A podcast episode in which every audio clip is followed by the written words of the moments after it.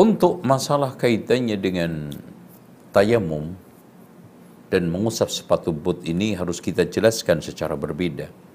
Kenapa? Karena tayamum itu dilakukan oleh dua hal atau karena dua hal. Yang pertama adalah faq ini faqdul ma dikarenakan ketiadaan air. Atau adami jawaz isti'malil ma tidak dibolehkan menggunakan air. Entah karena sakit dan yang lainnya.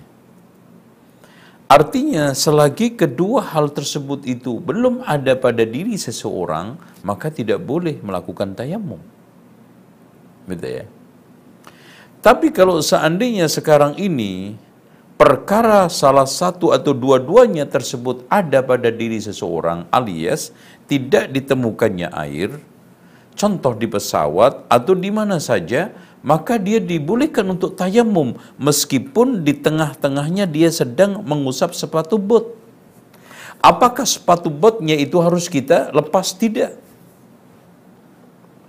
Dan nanti kalau seandainya dia itu menemukan air dan masanya itu masa masih masa dibolehkan mengusap sepatu bot, boleh nggak di mengusap? Boleh. Ini tolong diperhatikan. Umpamanya dia uh, tidak menemukannya air itu duhur.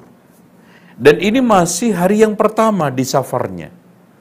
Maka dia tayamum.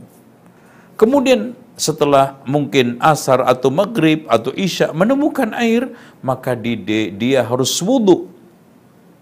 Dan selagi sepatunya belum dicopot, maka dia boleh mengusap sepatu bot. Ya, itu caranya. Jadi, ketika seorang berada di masa mengusap ini, kalau mukim sehari semalam, kalau musafir tiga hari tiga malam, itu nanti ketika kentut atau kencing atau buang hajat, maka dia wudhu, maka cukup nanti. Ketika wudhu, basuh muka normal, kumur, menyengguk air ke dalam hidung, membasuh tangan normal dan juga uh, kepala juga diusap secara normal. Nah, ketika saat membasuh kaki dan harus membasuh kaki karena kita masih di dalam masa boleh mengusap sepatu bot, maka kita cukup usap di atasnya saja. Itu caranya. Ya.